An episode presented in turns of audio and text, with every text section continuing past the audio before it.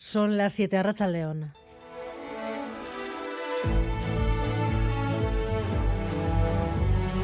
Gambara con Arancha García.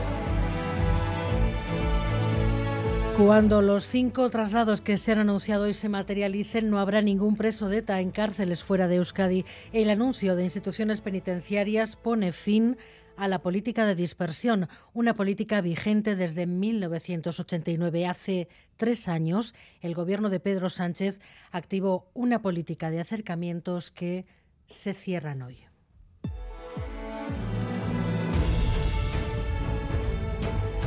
Hace unos años un informe del Instituto de Derechos Humanos, Pedro Arrupe, analizó el impacto de la dispersión y esta fue su conclusión.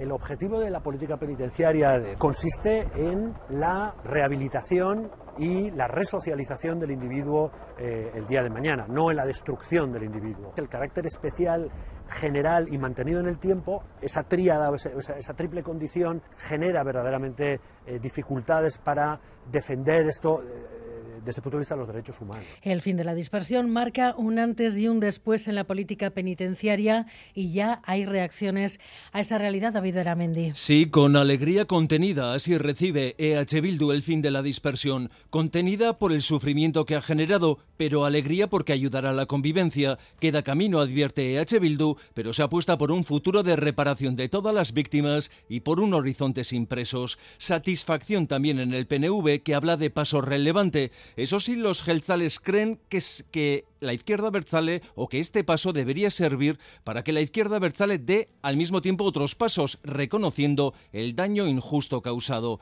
El Carrequín Podemos habla de buena noticia, cree que los familiares de ETA nunca debieron cumplir las penas de los presos. La nota discordante la del PP. Los populares hablan de escarnio a las víctimas, creen que esta es la primera parte de la factura Otegui por apoyar a Pedro Sánchez. Y a esta hora en la Catedral de Santiago, en Bilbao, el primer acto de reconocimiento a las víctimas de abusos en instituciones eclesiásticas. El obispo Joseba Segura abre un camino, de momento en solitario, en la conferencia episcopal. Es algo que estamos aprendiendo y estamos poco a poco reconociendo. Lo que tenemos que hacer, escuchando mucho y bueno, pues seguiremos adelante en ese diálogo y en ese aprendizaje. Entonces esto no es, y quiero subrayarlo, no es el final ni el de ningún capítulo. Gary Suárez en la Catedral de Santiago, ese acto de reconocimiento acaba de terminar a Rachaldeón. Arrachaldeón Aranza, hace pocos minutos que ha terminado este acto organizado por la Diócesis de Bilbao, un acto que se ha llevado a cabo en esta Catedral de Santiago, que se ha llenado ya incluso antes de que comenzara la ceremonia. Han sido 50 minutos emotivos, donde el obispo Joseba Segura, en un discurso crítico, ha pedido perdón a todas las víctimas, víctimas que también han participado, al menos algunas, como Josu López, cura que fue abusado por su director espiritual cuando tenía 12 años. El testimonio más desgarrador, sin embargo, ha sido el de Joseba Imanol Que fue abusado por el director del internado de la misericordia. Le escuchamos. ¿Por qué tanta maldad? ¿Qué necesidad había de hacernos daño a unos niños desvalidos e inocentes? Si sabías que eras un pederasta, ¿por qué te metiste a sacerdote? ¿Por qué rompes las vidas de una generación de inocentes niños? Es lo que nos sucedió en este infausto internado de la Santa Casa de Misericordia a un grupo de pobres e inocentes niños, abusos cometidos por su director, el sacerdote canónigo José Luis Pérdigo de Igual. Pese a que admiten que el acto de hoy es un buen paso, tanto víctimas como la diócesis afirman que hay que seguir trabajando. Ahora es uno de los gigantes de la banca europea, el Deutsche Bank, el que ha arrastrado a las bolsas a un viernes negro. Sus acciones han caído un 9%. Ha resucitado el miedo entre los inversores porque el movimiento que comenzó en Estados Unidos no se ha conseguido encapsular. Después del Silicon Valley vino el Credit Suisse y ahora el que empieza a crear dudas es el primer banco alemán. La sacudida ha pillado a los líderes europeos reunidos en Bruselas.